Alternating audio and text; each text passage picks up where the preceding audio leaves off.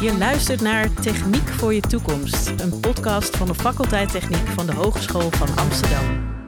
In deze aflevering hebben we het over circulaire transitie. Kunnen we de aarde redden als we alles hergebruiken? Deze vraag ga ik beantwoorden met Inge Oskam, lector circulair ontwerpen en ondernemen. En Maarten Mulder, jij bent onderzoeker en docent aan projecten omtrent de circulaire economie. Hartelijk welkom allebei. Dankjewel. Dank je. We gaan uh, dit uh, grote onderwerp beginnen uh, met producten die op tafel liggen. En ik zit even te kijken. Maarten, wat heb je meegenomen? Ja, ik heb het afval meegenomen van mij thuis. van het eten van gisteravond. dat heb ik meegenomen omdat wij een project doen rondom afvalscheiding door huishoudens in de stad. Ja, maar even voor de luisteraar, want die kan dit niet zien. Wat ligt hier nou? ah, Oh, ja, er ligt uh, allemaal verpakkingen van uh, groene pepers of uh, een plastic zakje waar de pasta in gezeten heeft en een plastic bakje en een kartonnetje van de vegetarische balletjes. Mm -hmm. Dus jij hebt pasta gegeten met vegetarische balletjes en groene pepers. Ja, en nog wat groenten. De, de, de, de groenteresten, die kan je natuurlijk ook apart weggooien. Ja. Ja. Maar en dat heb je, die heb je niet nou, Ik heb dan toevallig zelf thuis een composthoop, dus die heb ik daar ah, gelaten. Dus die liggen daar, ja. En je begon al over, dit zijn we in een, in een, project aan het onderzoeken. Zijn we in Nederland goed dan in, de, in het scheiden van afval? Nog niet uh, heel erg goed. We, in Nederland gemiddeld scheiden we iets van 60% van ons afval. En dat is dan landelijk, maar in de stad gaat dat nog wel een stukje slechter. En bij hoogbouw gaat dat nog slechter.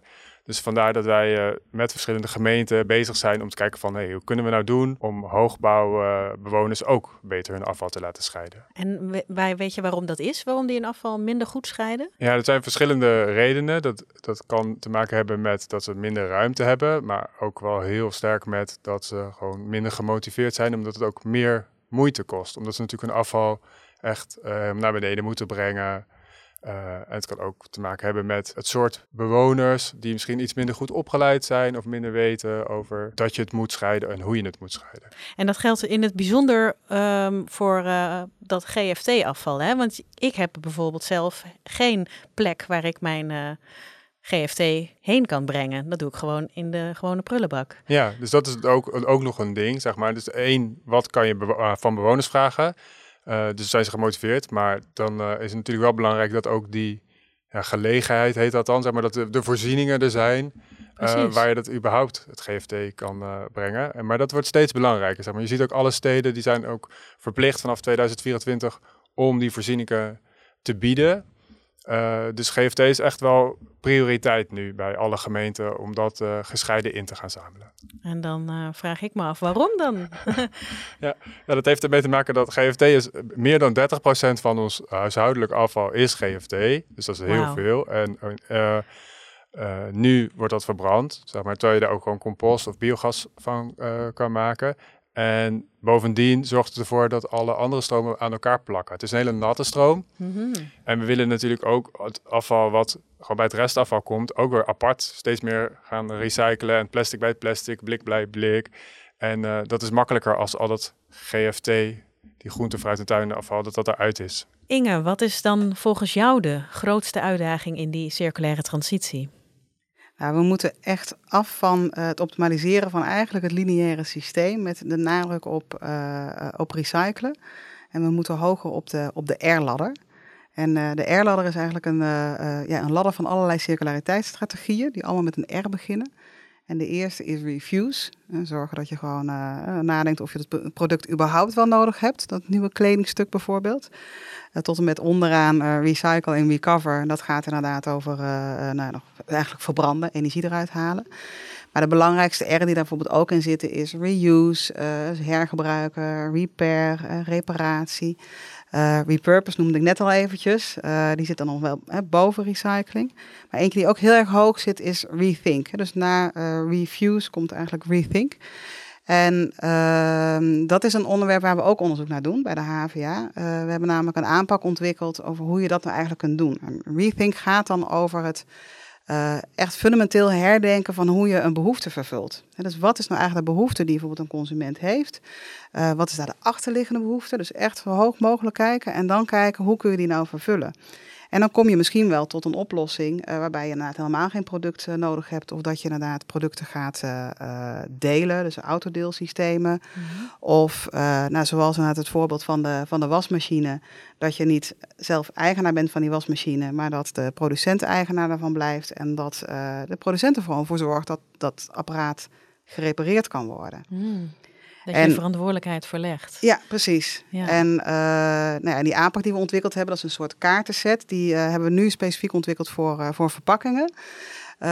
voedselverpakkingen doen we bijvoorbeeld onderzoek naar. En ja, dan kun je echt kijken van, nou, heb je wel een verpakking nodig bijvoorbeeld? Of kun je misschien een herbruikbare verpakking maken, waardoor inderdaad het materiaal veel vaker uh, gebruikt kan worden. Mm -hmm. En je dus echt flinke stappen zet in die circulaire economie en zorgt dus dat aan de, aan de voorkant er gewoon veel minder materialen gebruikt worden en veel meer producten verspild uh, worden. Al die erretjes van die ladder moeten we stappen maken. Ja, dus het, dat gaat eigenlijk voor al die erren op die ladder.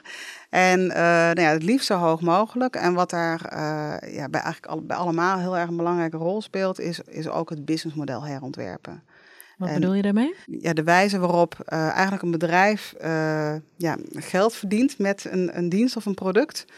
Uh, en zo'n voorbeeld als uh, uh, nou ja, bij het hergebruik, herbruikbare verpakkingen. Nou ja, dan moet je dus natuurlijk een heel systeem on, ontwikkelen van terugname en dat soort zaken. En ja, hoe ga je dat nou inderdaad organiseren? Dat is ook onderdeel van het businessmodel. Welke waarde geef je aan een -hmm. consument? En nou, hoe ja, realiseer je er, ja, verdien je er geld mee, maar ja. realiseer je ook ecologische waarde ermee. Het inderdaad over het product en de verpakking uh, en het businessmodel bijvoorbeeld. Dus dat je dat integraal aanpakt.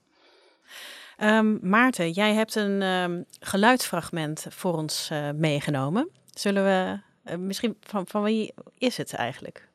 Ja, dat is een oud nummer van Doe Maar. En dat vond ik wel treffend. Een oud nummer. Laten we gaan luisteren.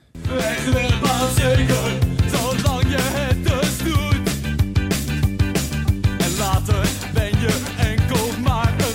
worden heel blikkerig wegwerpaansteker, als ik het goed heb verstaan. Waarom heb je dit nummer meegenomen? Ja, dit is volgens mij precies hoe wij met onze spullen omgaan. Dat we heel erg blij uh, ermee kunnen zijn zolang het nog doet. Maar als iets eenmaal uh, op is, dan, dan uh, moeten we er gewoon zo snel mogelijk van af. En dan, je gooit het desnoods op straat of wat dan ook. In ieder geval, je voelt je helemaal niet meer verbonden met dat product. Nee, en dat dat moeten we in een circulaire economie anders gaan doen. We moeten anders met producten uh, omgaan. Ja, precies. Ja, je moet dus eigenlijk gewoon niet echt zo'n restproduct hebben wat je dan gewoon echt van af wil, maar dat eigenlijk nog waarde uh, heeft of weer een goede waarde kan krijgen. Zo. Ja. ja. Dus hij zou eigenlijk in, ja, in, de, in de ideale wereld geen wegwerp meer voor een zelfstandig naamwoord moeten staan. Exact, ja, ja. precies. Ja, dus dan uh, ben ik ook wel benieuwd, wat is dan daar de grootste uitdaging in volgens jou? Om, om, om, de wereld circulairder te krijgen?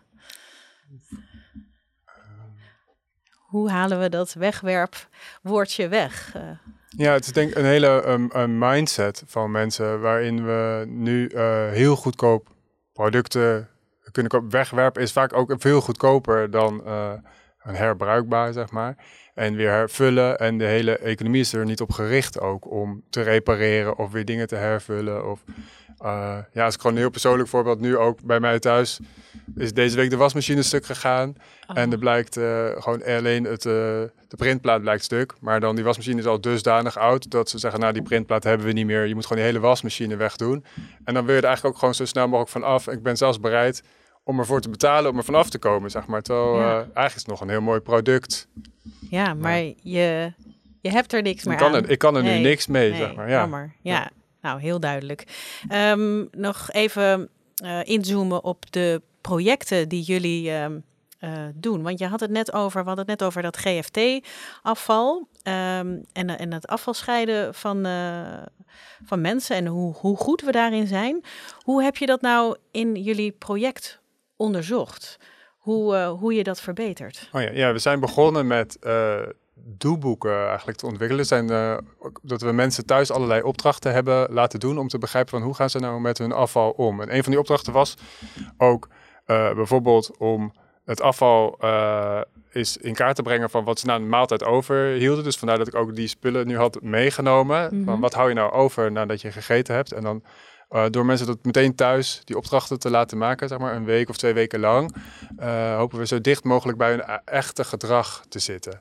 En zo eh, hebben we een heleboel kansen geïdentificeerd en belemmeringen ook van oh ja, waarom scheiden ze nu wel of niet.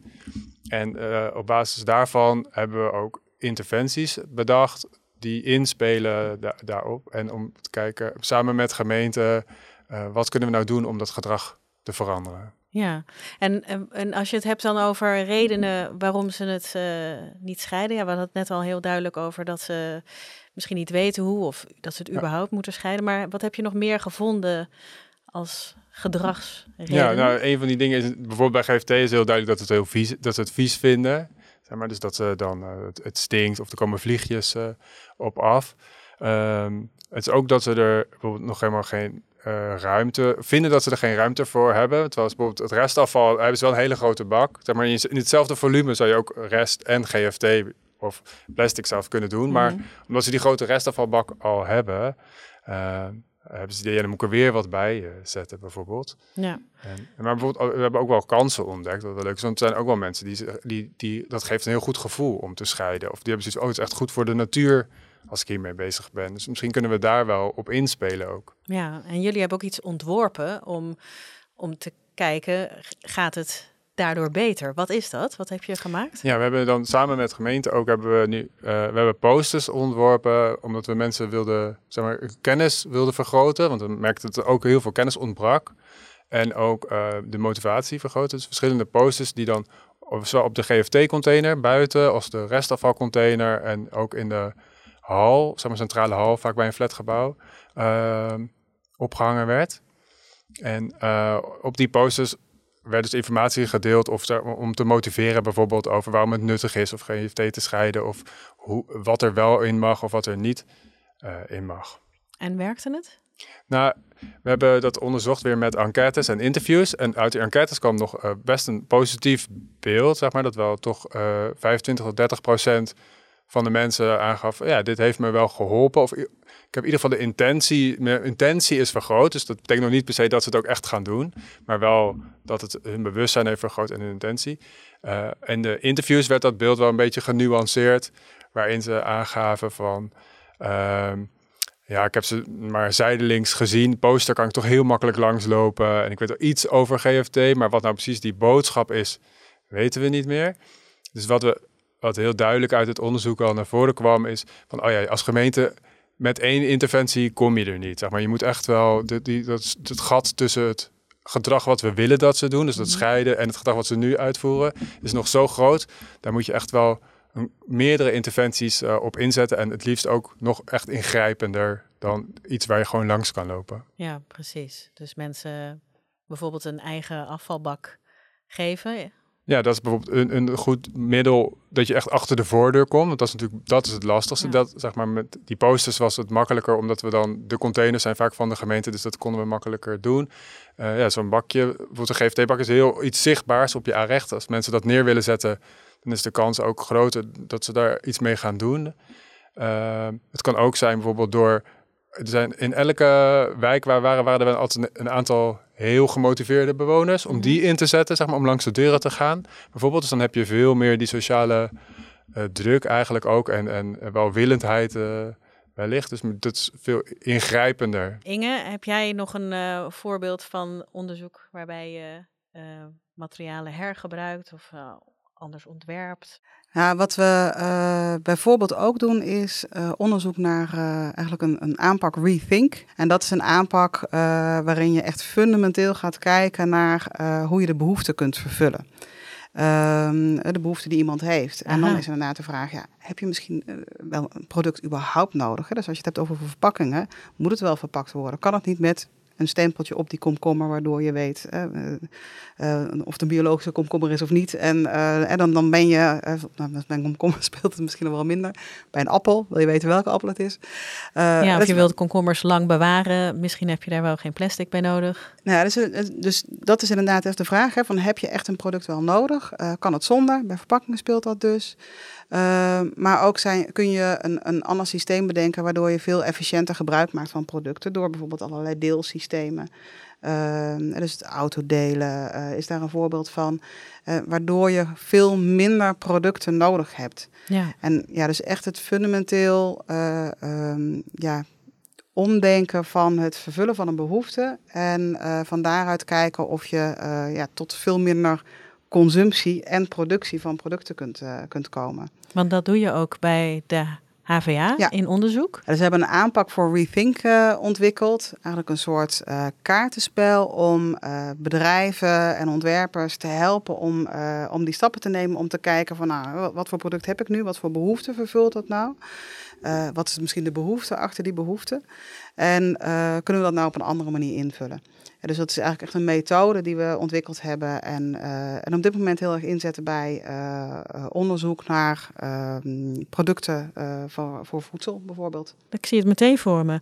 En als we nu eventjes naar die ehm, grote vraag gaan die we in het begin stelden. Dat is, kunnen we de aarde redden als we alles hergebruiken? Wat is dan jouw idee? Nou, met alleen hergebruiken gaan we er, eh, gaan we er niet komen. Hè, want dan eh, loop je toch het risico dat je een beetje richting de recycling-economie gaat. Dat klinkt voor heel veel mensen dat dat inderdaad eh, is waar de circulaire economie over gaat.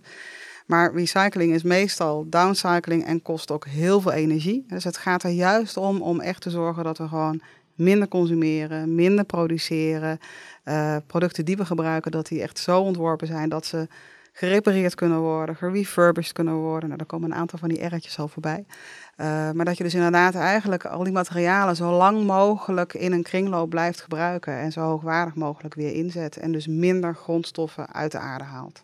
Dank jullie wel, uh, Inge Oskam en Maarten Mulder, voor uh, jullie inzichten in de circulaire transitie. Dank je wel voor het luisteren. Dit was Techniek voor je toekomst, een podcast van de faculteit Techniek van de Hogeschool van Amsterdam. Vond je het een leuke aflevering? Abonneer je dan in je favoriete podcast-app.